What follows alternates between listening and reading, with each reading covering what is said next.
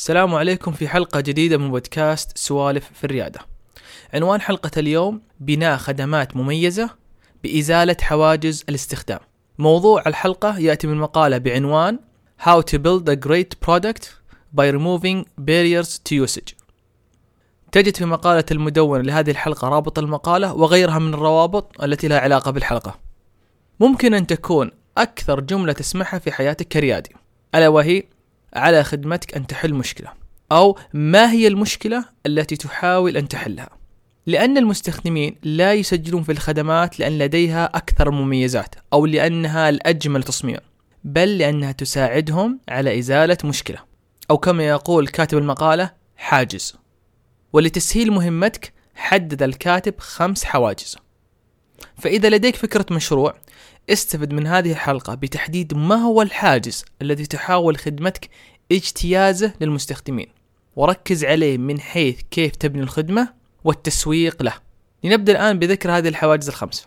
الحاجز الأول حاجز المهارة The Skill Barrier خدمات تساعدنا على إنجاز عمل يتطلب مهارة معينة. مثل خدمة إنستغرام. تساعدنا على عمل صور فوتوغرافية مميزة وجميلة من دون أي مهارة وبذلك أزالت حاجز المهارة. الحاجز الثاني حاجز الوقت والجهد The Time Effort Barrier.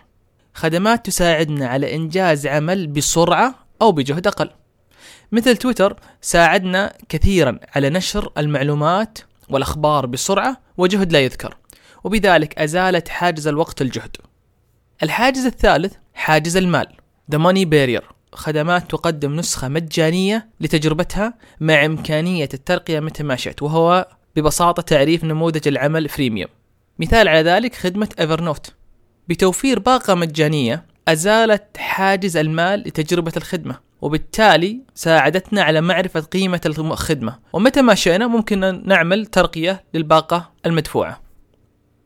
الحاجز الرابع حاجز الموارد. The Resource Barrier. خدمات تساعدنا للحصول على الموارد التي نحتاج بسرعة كفاءة وتكلفة أقل أحيانا. مثل الخدمات السحابية للاستضافة منها أمازون AWS تساعد startup على إطلاق التطبيقات بتكلفة تتناسب مع احتياجهم. طبعا لو ترجع للسابق كانت عملية إنك تطلق startup مكلفة جدا في البداية ولكن خدمات مثل الخدمات السحابية قللت هذا بكثير وبالتالي أزالت حاجز كان في السابق متعب لل startup ألا وهو حاجز الموارد. الحاجز الخامس وهو الحاجز الأخير حاجز الوصول The Access Barrier خدمات تساعد ربط فئات مع بعضها البعض. في السابق كان يصعب عليها ذلك. مثال على ذلك آه، المنصات والأسواق الرقمية اللي هي المنصات اللي هي ال platforms والأسواق الرقمية اللي هي ال digital marketplace فهي تربط فئات في السابق كان صعب عليها الاجتماع أو حتى إجراء عمليات تجارية.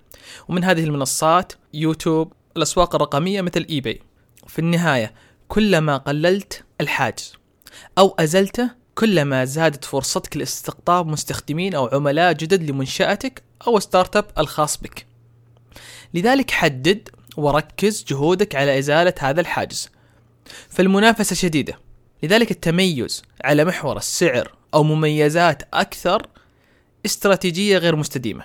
عليك تقديم عرض مميز وهذا يكمن. بإزالة أو تقليل أحد هذه الحواجز الخمس. مع السلامة وبمان